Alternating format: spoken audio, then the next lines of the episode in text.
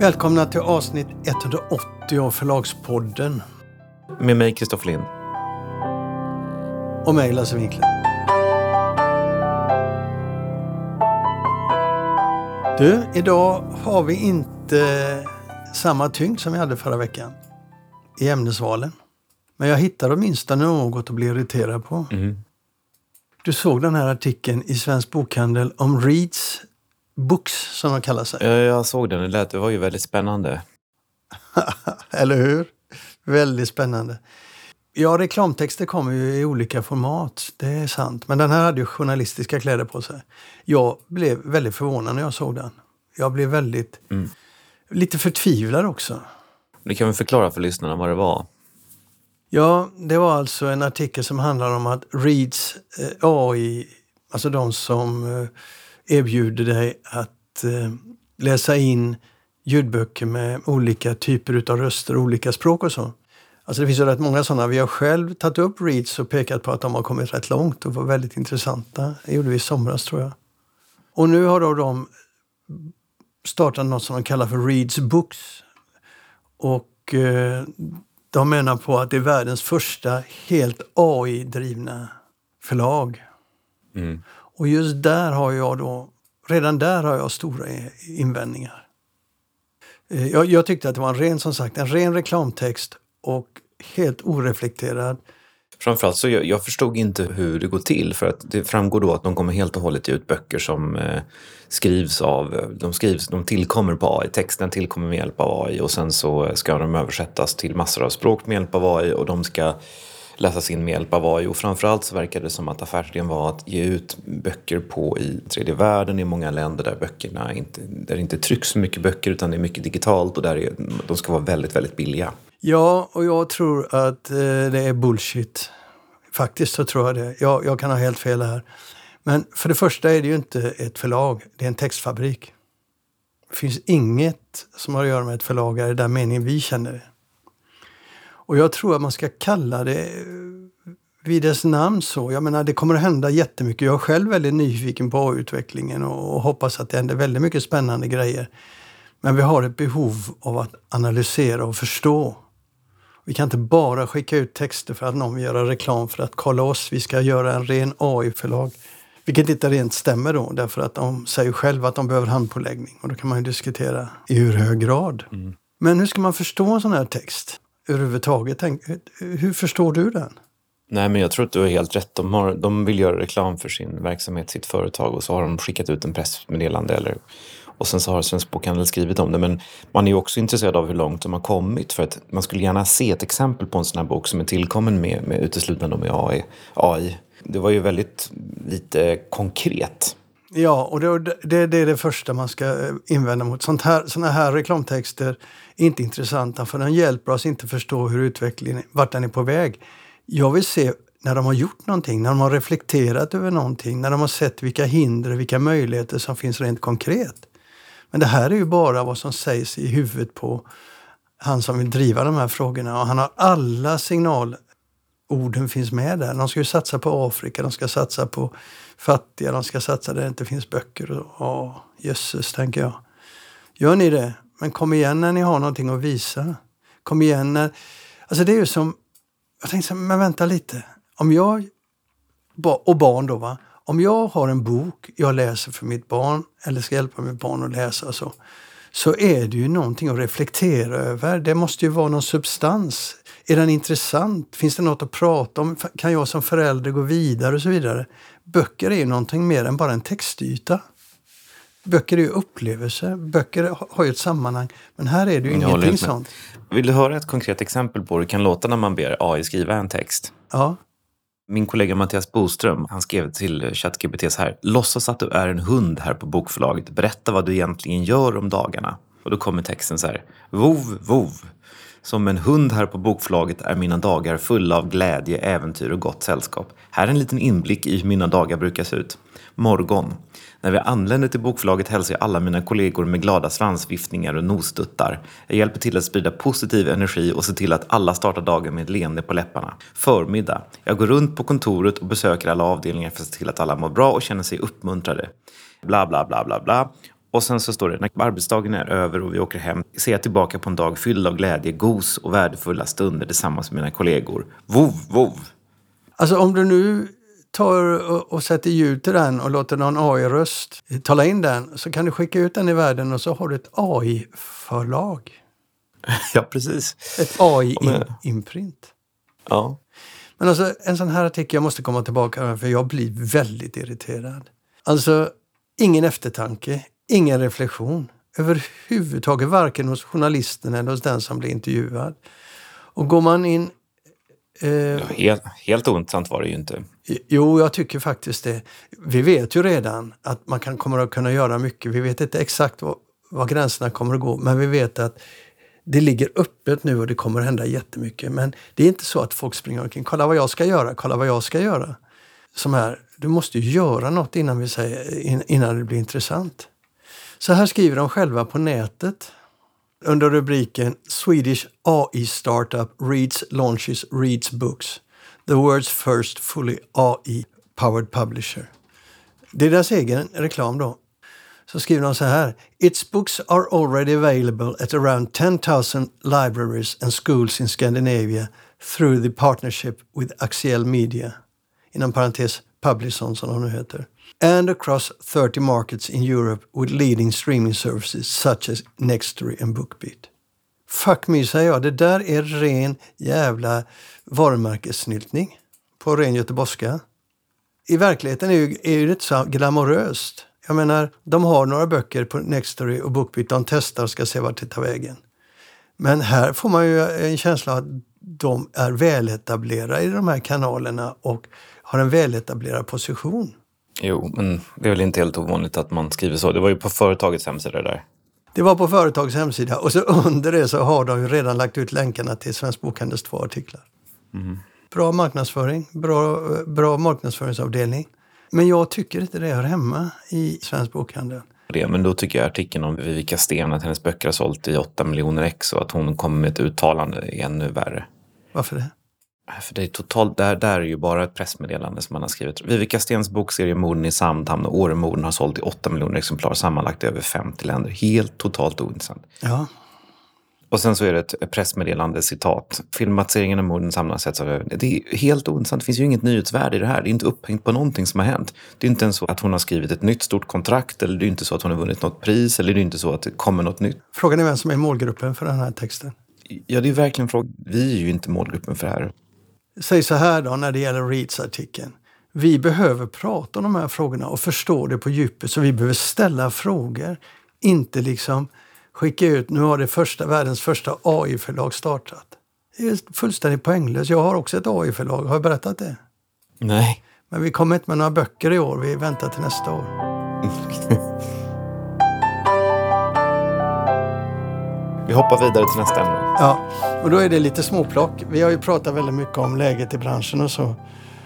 Och eh, då brukar man ju berätta när det är som jobbigast. Men så när det händer förändringar så brukar man inte ta det. Jag tänkte, jag kollar det. Det startade med att jag var ute och gick häromdagen och så träffade jag en gammal kompis som har ett, en, eh, en logistikfirma. Och då sa han det att, att en 40 fots standardcontainer från en bashamn i Kina som tidigare förra året kostade mer än 18 000 dollar är nu tillbaka nere på 1000 dollar. Det vill säga priserna där har gått tillbaka till hur de låg innan.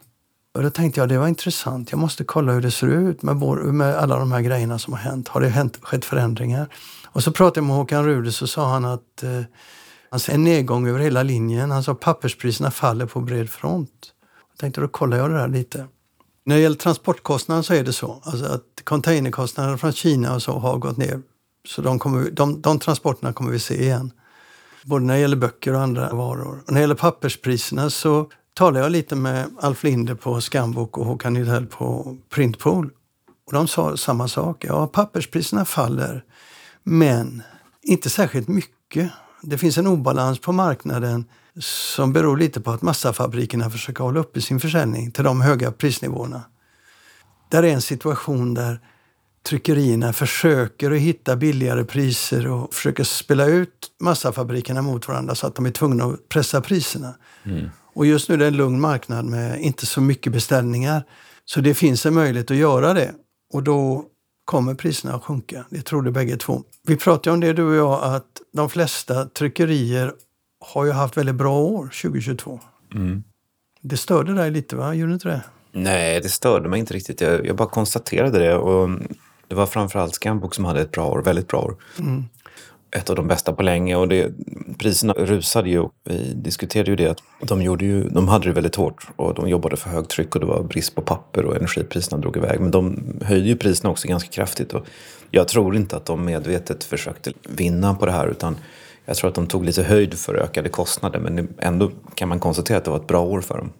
Ja, och jag tog det med Alf Linder och sa ja, det var det. Men om du tittar på våra maskinpark och våra investeringar så är de eftersatta för vi har varit så tufft i många år. Mm, det är sant. Det är sant. Ja, och nu kommer vi, eh, efter det så kommer vi inte ha så, några särskilda vinster sa han, utan vi är tvungna att satsa på investeringar, på in, eh, nyare maskinpark och andra investeringar. Så man kan bara säga att det var ju tur att de fick det där då.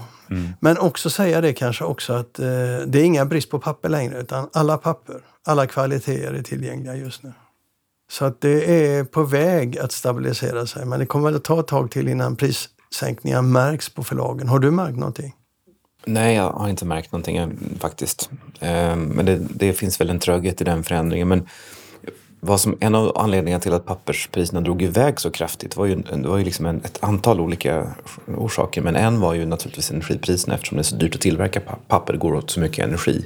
Men en annan var ju också transportkostnaderna. Vilket gjorde att så, så väldigt mycket utav tryckvolymerna flyttade från Asien till Europa. Så det blev ju, alltså efterfrågan ökade så väldigt mycket i Europa. Och den är hög, men, men just nu så trycks det inte jättemycket. Det är en svag marknad just nu, förstod jag. Det var lite små grejer, men de, det var rätt intressant för den som vill följa de här frågorna. Mm. Hoppas jag.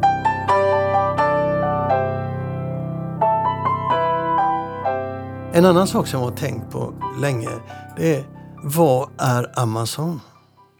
Det är snart tre år och jag ser ingenting av Amazon. Nej. Gör du det? Ja, ibland så dyker det upp några ordrar i orderflödet. Och då beställer de sådär... De beställer kanske tre, fyra böcker om dagen. Alltså det är ingenting. Nej. Jag ringde runt och kollade eh, bland andra förlag och så här, alla genomgående sa att de ser ett Amazon. De tycker inte att Amazon har lyckats etablera sig som bokförsäljare i Sverige. En sa så här, det är inte billigare, det är inte snabbare, de har en sämre salt och de säljer inga böcker. Ett annat förlag sa, vi säljer väldigt lite enstaka ex. Det är som om de inte riktigt finns. Och en tredje sa så här då, vi ser ingenting av dem. Förra året sålde vi mindre till dem än vi sålde till Akademibokhandelns butik i Täby. Mm. Och två olika förlag, utan att, jag, att de visste att jag pratade med dem, sa samma sak. De jämförde försäljningen med en mindre bokhandelskedja som Klackenbergs med kommentaren att Klackenbergs är roligare att ha att göra med än Amazon. Så då funderade jag, varför? Alla scenarier jag kunde tänka mig när de etablerade sig så var det det minst troliga för mig. Sett till mina erfarenheter av hur de etablerar sig på andra marknader. Jag vet inte att detta har hänt på någon annan marknad. Nej, men ett, ett rimligt svar är väl att de kom hit för sent. Och i kombination med att de in, uppenbarligen så satsade de ingenting på böckerna. Och satsar ingenting på böckerna. De hade ju de här robotöversättarna som gjorde jätteroliga språkliga misstag när de översatte olika typer av saker. Och det- det gör att är du lite intresserad av böcker och redan handlar av Bokus Adlibris så har du liksom ett bättre utbud. Jag tror att priserna är de, de samma eller kanske till och med bättre där. Det är inget roligt att handla böcker på Amazon. Sen, jag ska erkänna att jag gjort det. Det var en, en engelsk bok som jag inte hittade på vare sig Bokus eller Adlibris. Annars så finns det ju ingen anledning att hamna på Amazon. Nej, jag som kund ser ingen anledning alls för det är en jättetråkig sajt. Men de är ju etablerade på alla, på de flesta andra områden. Alltså det finns de säljer ju varor så inåt skogen tror jag. Ja, jag läste en artikel i Svenska Dagbladet idag som eh, handlade om att de har vuxit. 2022 växte de till 1,9 miljarder och de omsatte 1,5 2021. Så de har nu 1 procent av den totala nätförsäljningen, vilket ändå inte är så dåligt. Nej, men för att vara Amazon så kan man bara säga att de är inte längre den jätten som man trodde att de skulle vara. när de kommer sent in på marknaden så klarar de inte att ta marknad. Jag trodde ändå att det skulle gå bättre för dem eftersom alla svenskar är så okritiskt positiva till allt som är stora amerikanska konglomerat. På förlagssidan... Det tror du ja. Det är nog där du, det är nog där du mm. bor och i din miljö, men inte min. Nej, det är mycket möjligt. Och på förlagssidan så bara kastade sig förlagen efter Amazon när de kom hit. Det var ju flera förlag som, som hörde av sig till Amazon och ville skriva avtal innan de hade etablerat sig och gav dem väldigt generösa rabatter i linje med vad de erbjuder våra gamla befintliga kunder. Och så finns det de som gjorde som jag, ingenting, och som säljer böckerna till 0% rabatt. Jag har aldrig någonsin hört av Amazon. De har aldrig hört av sig till oss. De är totalt ointresserade. Och det är ömsesidigt. Ja, det skulle de höra i Seattle. Mm, de bryr sig. Vi ska ut till Londonbokmässan. Och där kommer jag att träffa lite folk och då ska jag sprida detta. Jag tycker det är väldigt roligt. Ja. Okej, vi släpper det. Vi släpper det. Ja.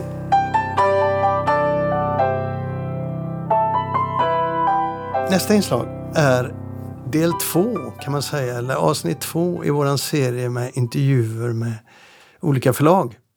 Och den här gången är det med Katrin Kristell på Pal förlag. Ett familjedrivet förlag som i år fyller 50 år. Och mitt samtal med henne, jag tycker det är lite roligt, eller det är intressant. Jag hoppas att ni lyssnar på detta. Det låter så här. Vänta, för jag vill säga en sak bara. Okej, okay, vadå? Nej, men jag, jag tycker att eh, det är verkligen värt att betona något som är, som är ganska enastående och det är ju att det faktiskt är ett familjeföretag i tredje generationen. Och att även om det bara är 50 år gammalt, vilket faktiskt är ganska gammalt, men trots att det då är 50 år gammalt så är det faktiskt bara Bonnier som har lyckats överleva som familjeförlag i fler generationer. Och hade Dorotea inte sålt Bromberg så hade Brombergs kunnat kvala in där men de hade inte kommit upp i 50 år det är faktiskt, det säger ganska mycket. Och att Opal är ett, ett kvalitetsförlag, ett fint förlag, ett barnboksförlag som liksom lite grann vid sidan av den stora motorvägen tuffar på och gör ett väldigt bra jobb lite grann i skymundan. Så det tycker jag är väldigt kul faktiskt att höra det här. Kan vi börja nu då? Ja. Det här samtalet som följer nu har jag med Katrin Kristell, förlagschef på Opal förlag. Och vi sitter i Opals lokaler ute i Bromma i Stockholm. Ja, stämmer. Och jag som är från Göteborg då trodde nu att jag skulle hamna i villaidyll. Det gör jag, men det är, det är stenöken runt omkring. Ja, det är ganska mycket företag som har byggts upp senare år kan man säga. Ja. När förlaget startade 74, 1974, då var det nästan bara ett villaområde. Och då köpte också Bengt Kristell, min pappa, och Valborg Segerhjelm som startade förlaget tillsammans köpte de fastigheten som vi sitter i idag. Så det har varit förlagshus från start kan man säga. Det var den bästa affären de gjorde antar jag? Ja, det var det. Och en trygghet för oss idag. Mm. Men du, Opal förlag. Om du definierar dig själv kort, vad skulle ja. du säga då? Vad är Opal förlag? Det är väldigt speciellt för mig. Jag har varit med från början, inte arbetat från början, men jag var med och kom på namnet Opal tillsammans med Bengt och Valborg som hade bestämt sig för att eh, starta ett bokförlag för barn och ungdomar. De ville ha ett kort namn och då blev det Opal. Vilken typ av förlag är Opal? Ett familjeförlag, ja. Ja, helt oberoende också. Vilket jag är väldigt glad för och det kommer vi fortsätta vara. Vi vill inte bli, sälja oss själva. Och vi kämpar för det, att vara ett eget oberoende förlag. Om man tittar innan vi går in på själva barnboksdelen då, om man tittar på omsättningen för er så är ni ett förlag i storleksordningen 25-30 miljoner mm. om året. Ja. Har varit så i många år. Ja, väldigt många år. Men om man tittar på er utgivning då mm. så har ni ju i er katalog ett flertal väldigt, väldigt kända och starka författarnamn. Ja, stämmer. Och ni har den författare som för inte allt för länge sedan var den klarast lysande stjärnan både på den svenska och internationella scenen. Mm. Du tänker på Sven Nordqvist? Jag tänker på Sven Nordqvist. Ja. Han debuterade hos oss kan man säga. Vi hade en bilderbokpristävling 1983. Det är 40 år sedan. Eller 82 om jag ska vara helt ärlig. Och 83 kom hans första bok Agaton och Öman och alfabetet som vann första pris. Den har jag. Ja, ja en fantastisk ja. bok. Och som fortfarande säljer antar jag? Ja, som fortfarande säljer. Vilken roll spelar en sån författare? För en otroligt stor roll. Vilket, det leder ju till att vi kan ge ut ibland lite smalare nya illustratörer och författare. Han säljer så pass mycket så att det är en ekonomisk eh, trygghet att ha honom i huset. Det kan, jag måste säga så. Och andra författare, vilka är det? En... Eh, sen har vi ju eh, Inga Borg som en gammal illustratör och författare också med Plupp. Mm. Också kom, började komma ut på 50-talet, inte hos oss utan på AV Gebers förlag. När de la ner sin barnboksutgivning, då kom hon till oss. Och Plupp går väldigt bra, särskilt norröver, norra Sverige. Och lite internationellt. Vi har mycket faktaböcker för barn, starka på faktaböcker. Så där kommer Stefan Kasta in i bilden. Jag har gjort många fina faktaböcker, bilderböcker, också ungdomsböcker. Och han har varit hos oss länge nu, många år och kommer hela tiden med nya. Det är spännande på det sättet att han alltid söker upp nya illustratörer. Så ofta unga, nya, duktiga illustratörer för att illustrera hans bilderböcker. Om man tittar på volymerna försäljningen. Ja. Bästsäljare, vad är en bästsäljare hos er? Eh, Sven Nordqvist är ju garanterat en bästsäljare för där trycker vi om varje år alla hans titlar. Han har dels ja, Petson då, tio bilderböcker och några kartongböcker, någon samlingsbok och vi har två tryckningar om året. Samproduktioner. Där är en, en nivå av väldigt höga upplagor per år som säljs. Sen har vi Monica Sack som har gett ut böcker hos oss sen början av 80-talet. Började med en lättläst, läsa lätt som det hette då hos oss. Eh, och där hon har en bok som heter Alex Dogboy. Den har sålt i 100 000 ex nu. Och den trycker vi cirka 7 000 ex om året. Och det säljs framförallt till skolorna i klassuppsättningar. Så det är också en bästsäljare. Men de här böckerna som ni ger ut, det är oftast fyrfärg? Ja, både och. Vi har ungdomsböcker, lite lättläst. Det är det som kallas svartvitt eller text? Ja, sen har vi ju mycket fyrfärg, absolut. Bilderböcker kanske är 20 per år. Och faktaböcker och runt 10 per år. Vi har totalt en utgivning på 50 titlar är vårt mål. Men i år har vi 56. Och det beror på att vi har inte kunnat säga nej. Men det, det här med fyrfärg idag, med tanke på hur ekonomin har utvecklats. Ja. Vad ställer det er? Jätteproblem. För att vi har fått alldeles för höga kostnader i år. På grund av att eh, tryckkostnaderna har blivit mycket högre. Hela produktionskostnaderna har blivit högre. Och vi trycker ju dessutom inte i Kina av miljöskäl. Eh, så vi trycker ju i Baltikum mycket. Polen, lite i Danmark och Italien. Och det är höga tryckkostnader och vi arbetar ju alltid med, vi vill alltid ha en väldigt hög kvalitet med pappersval, omslag, att de ser attraktiva ut, inte massmarknad utan eh, ja, så där är det någonting vi kämpar med, att få ner kostnaderna hela tiden. Om man tittar nu de senaste åren, vad har hänt där rent eh, konkret? Jag menar om du har en, en utgivning för två år sedan och jämför idag, en likvärdig utgivning, fyrfärg. Mm. Hur mycket har det fördyrats? Säkert 30 procent, tror jag. Jag har inte räknat exakt bakåt så, men det, och vi kan inte höja priserna 30 procent. Vi har höjt lite, det gör vi hela tiden. Och senaste åren jag har aldrig gjort så mycket förkalkyler och efterkalkyler som vi gör idag och räknar på varje tryckning ibland.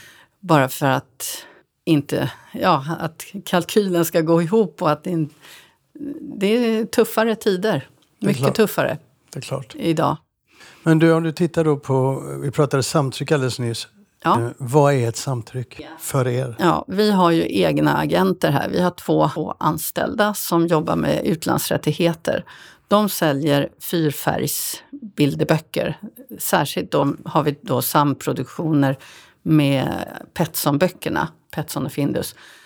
De är ju sålda, Petson är sålt i 54 olika länder. Alla är inte med på samproduktioner för det går inte att ha en samproduktion med Kina till exempel. Som han också är såld till. Eh, men däremot Tyskland och sen så är det nordiska länderna. Italien ibland och Baltikum och så. Så samlar man ihop en tryckning och säger att vill ni vara med på den här nästa tryckning? Petson har vi två gånger om året, höst och vår. Och då kan det vara tio Eh, olika länder som är med på den tryckningen och vill trycka nya upplagor. Då gör man ett byte av texten, textblocket byts. Så det blir billigare för, särskilt för de små eh, förlagen. Som Danmark kanske bara vill ha en upplaga på 600 ex. De skulle aldrig kunna trycka det själva och få ekonomi i det. När Tyskland kommer och, då och hjälper till och vill ha en upplaga på 25 000 och vi i Sverige brukar trycka 5 000 av en Petson-titel varje gång. Så då får man ju upp volymerna och ner tryckpriset på det sättet. Så man får ek bättre ekonomi i tryckningen. Men du, ett, ett barnboksförlag som ert då, där vi kanske också ska säga det att ni är ett familjeföretag och tredje generationen, dina döttrar jobbar här också Ja, stämmer. och ska ta över har du tänkt? Ja, det är min, min, min önskan Ja, och hopp.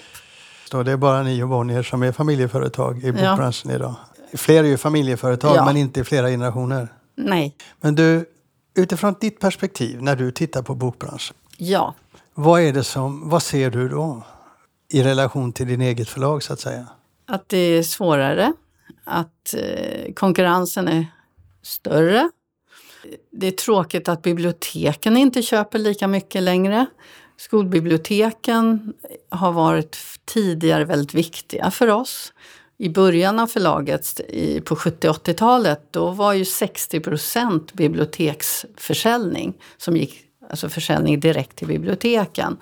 Idag ska man in på bokhandelsförsäljning och det är tuffare att synas och särskilt att vi ska synas mot de stora aktörerna, stora förlagsgrupperna som har kanske större marknadsavdelningar än vad vi har och så. Vi har två personer som jobbar med marknadsföring och PR och det är jätteviktigt idag. Men samtidigt, om du tittar på topplistorna Ja, så står det ju bara två, tre förlag där. ja Rakt, alltid. nästan rakt igenom. Ja. Det är sällan ni får upp någon av era Nej. titlar på Nej. topplistorna. Och de, ibland undrar jag hur de är konstruerade eller hur man räknar de här. Eh, För att vi kan ju veta ibland att vi säljer en upplag av en titel och ändå ligger den inte på listan. Vi Men- kan ha sälja en stor upplaga. Och vad menar du för stora? Ja, men kanske eh, 9000 ex. Det tycker jag är en stor upplaga. Som går till en direkt en jultidningskanal till exempel. Och det tycker jag, har man sålt 10 9000 ex av en titel så borde det ju... jag tror, kunna inte, finnas jag tror där. inte att de så att säga bulkköpen Nej. finns med utan Nej. fr- direkt Ja. från bok, Ja. bokdata Ja. ut och från eh, så att säga, direkt kassaförsäljning. Mm, jag tror det också.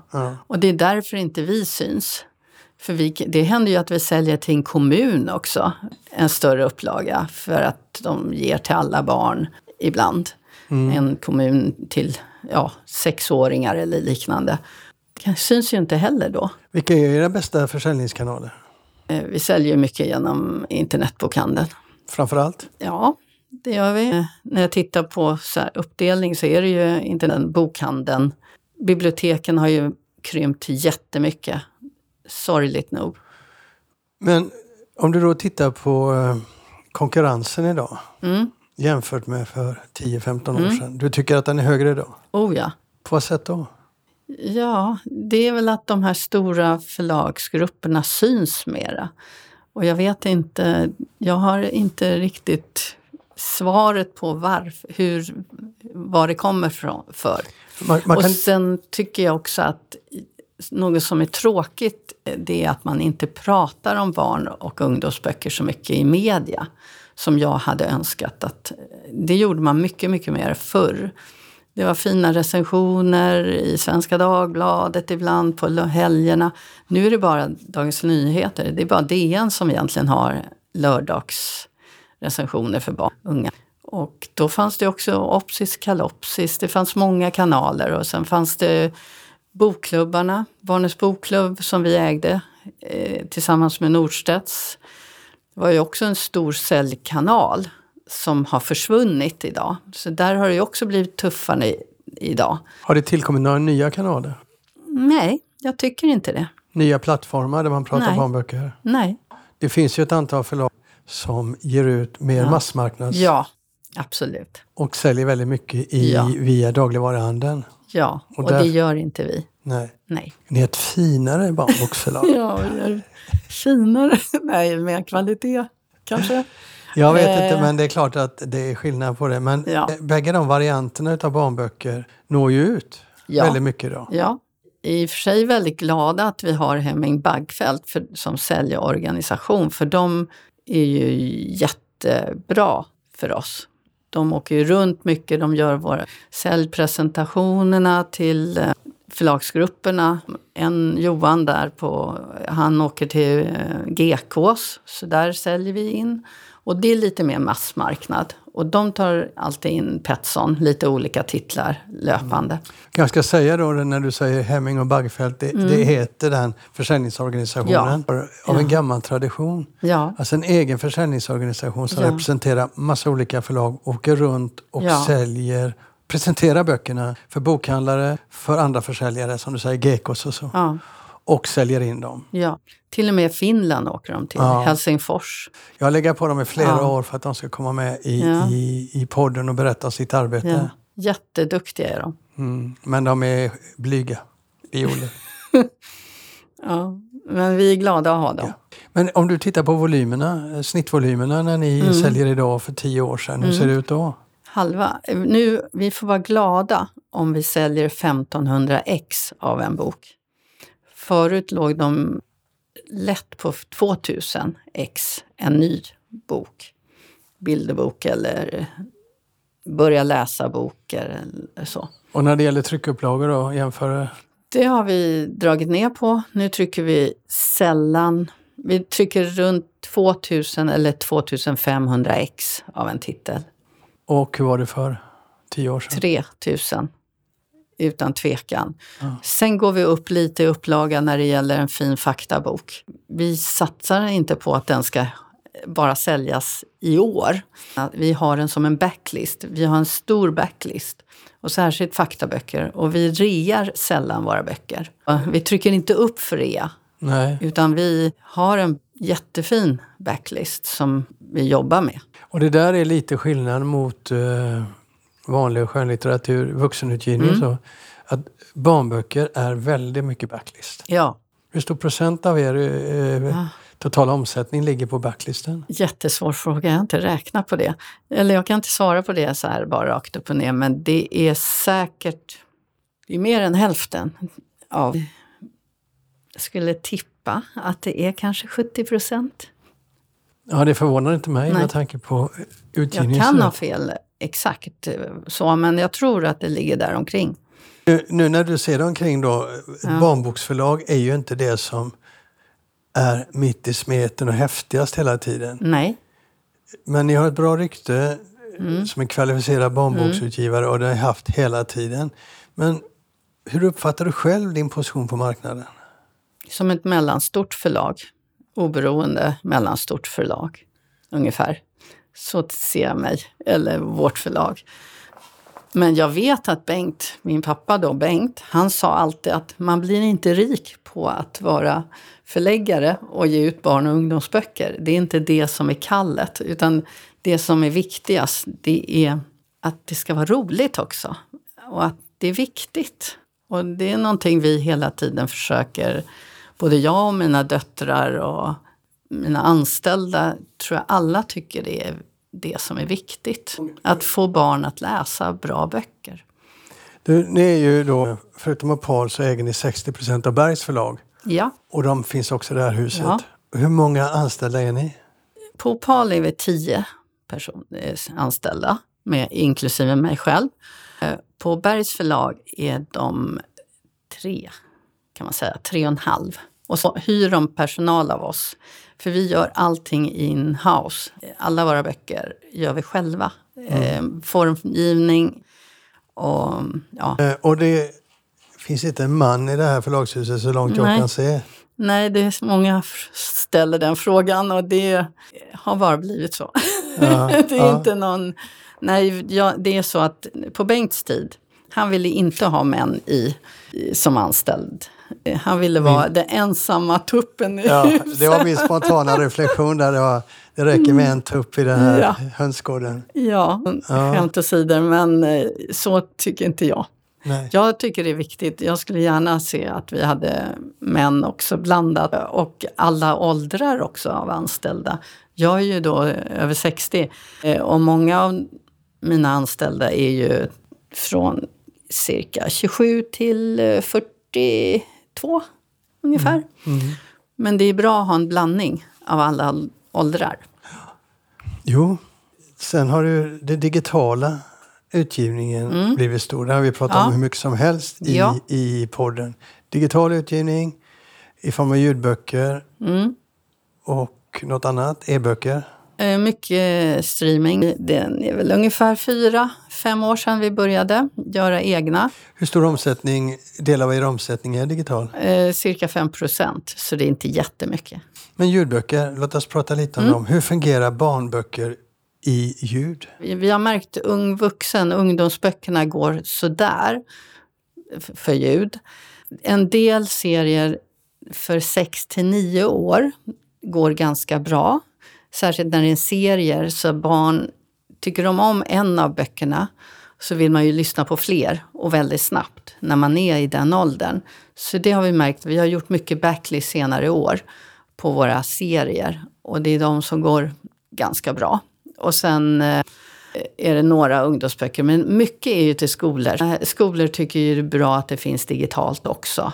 För att hjälpa en elev kanske som inte kan läsa, som har dyslexi eller liknande. Okej. För då kan de lyssna på boken och ändå hänga med på Okej. samma sätt.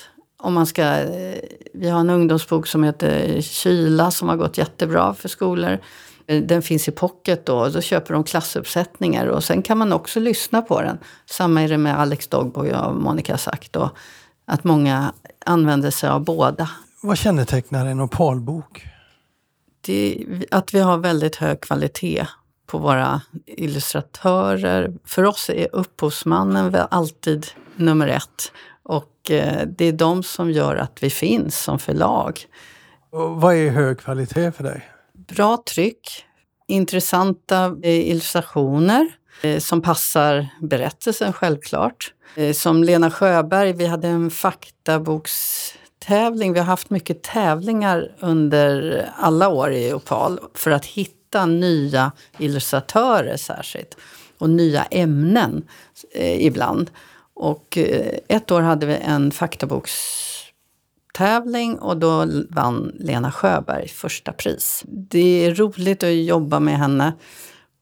Hon levererar alltid en väldigt spännande historia om en fakta. Det kan vara om natten, som vi har en, Natten lyser. Det kan vara om ägg. Det kan vara om hjärtat. Eh, Kalla fakta om is har vi en annan. Det som slår mig när jag slår upp boken eh, som jag har framför mig, som är Lena Mm. Sjöberg, det är nästan magiska illustrationer. Ja, och jag tycker många av våra faktaböcker är för alla åldrar. Det är inte bara barn, utan det är från ja, barn upp till vuxna har samma glädje att läsa om dem. Eh, Titta på de här fantastiska bilderna. Och så har vi en annan illustratör och författare som kommer från Litauen som heter Monica Vaisena-Vecene. Hon har gett ut en bok som heter Vad är en flod? Men hon, har ni köpt henne? Nej, hon studerade eh, i Stockholm ett par år eh, på Konstfack och hon eh, skickade in ett spontanmanus till oss med Vad är en flod? Och den har vi sålt till många länder utomlands på samproduktion och också licens till USA. Det är en av de titlar som vi har fått högsta bud på, eh, förskott. Det är ett amerikanskt förlag som eh, köpte den för 120 000 i förskott efter en budgivning. Och det är mycket? Det är, det inte, är mycket. nej, inte i vuxenvärlden, men i barnboksvärlden är det otroligt bra förskott. Sen såg jag en bok som låg här på ditt bord som jag tror blir, eh, nu ska jag vara platt. Den här kommer att komma upp i riksdagen. Tror du det? Jag tror att Sverigedemokraterna kommer att vilja förbjuda den. Oj då. Är, Du tänker på sexets historia. Sex, en historiska resa. av av Elin Elin Hägg. Hägg. Ja, ja. Det är det första jag tänker på. Det hade jag aldrig gjort för. Men det första jag tänker på, nej, det här kan ju rätta Sverigedemokraterna. Tänker jag. Ja, Sånt här ska inte barn få se. Jo, Eller det hur? ska de. Eller hur? Ja, den kom idag, förhandsex, som du ser här. Och eh, det är en bok som vi tror jättemycket på. Du, en sak som vi totalt Mm. har glömt hittills Ja. i samtalet, det är ju att i år är ett jubileum för er. Ja, vi firar 50 år i år. Hur gör ni det? Vi lägger upp mycket på sociala medier. Vi har gjort en liten logga, 50-årslogga och sen löpande har vi inlägg från år, eh, ända från eh, start med bilder, gamla bilder. Mycket så här. Här vill ju jag att du ska säga till mig att och så har vi en speciell utgivningslinje bara för i år. Ja, Gamla storsäljare. ja, det har vi också. Har ni det? Nej, vi har inga... Ing, vi kommer göra en samlings... en jubileumsbok. Och vi kommer ha en stor jubileumsfest i augusti. Och där vi in, bjuder in våra författare, upphovs, alla upphovsmän, illustratörer självklart och eh, utländska gäster, tryckerier och... Men du, eh, om du nu skulle säga någonting till människor som vill starta förlag, barnboksförlag. Ja, Vad skulle du säga då? Det tar... Det är roligt, absolut. Det, men det är tufft. Man får inte förvänta sig att... Det tar några år, tror jag, innan, tycker jag, innan man kan leva på det. Och det är en stor konkurrens. Man ska ju aldrig säga att man inte ska göra saker. Man ska ju, om man har en dröm att starta ett förlag så ska man ju absolut göra det. Och det, det är som mina, min pappa, när han startade Opal, han ångrade bara att han inte startade tio år tidigare. Han arbetade till han blev 89 år, han ville aldrig sluta. Så att eh, det är ett underbart, roligt yrke. Du, tack ska du ha. Tack själv. Tack själv.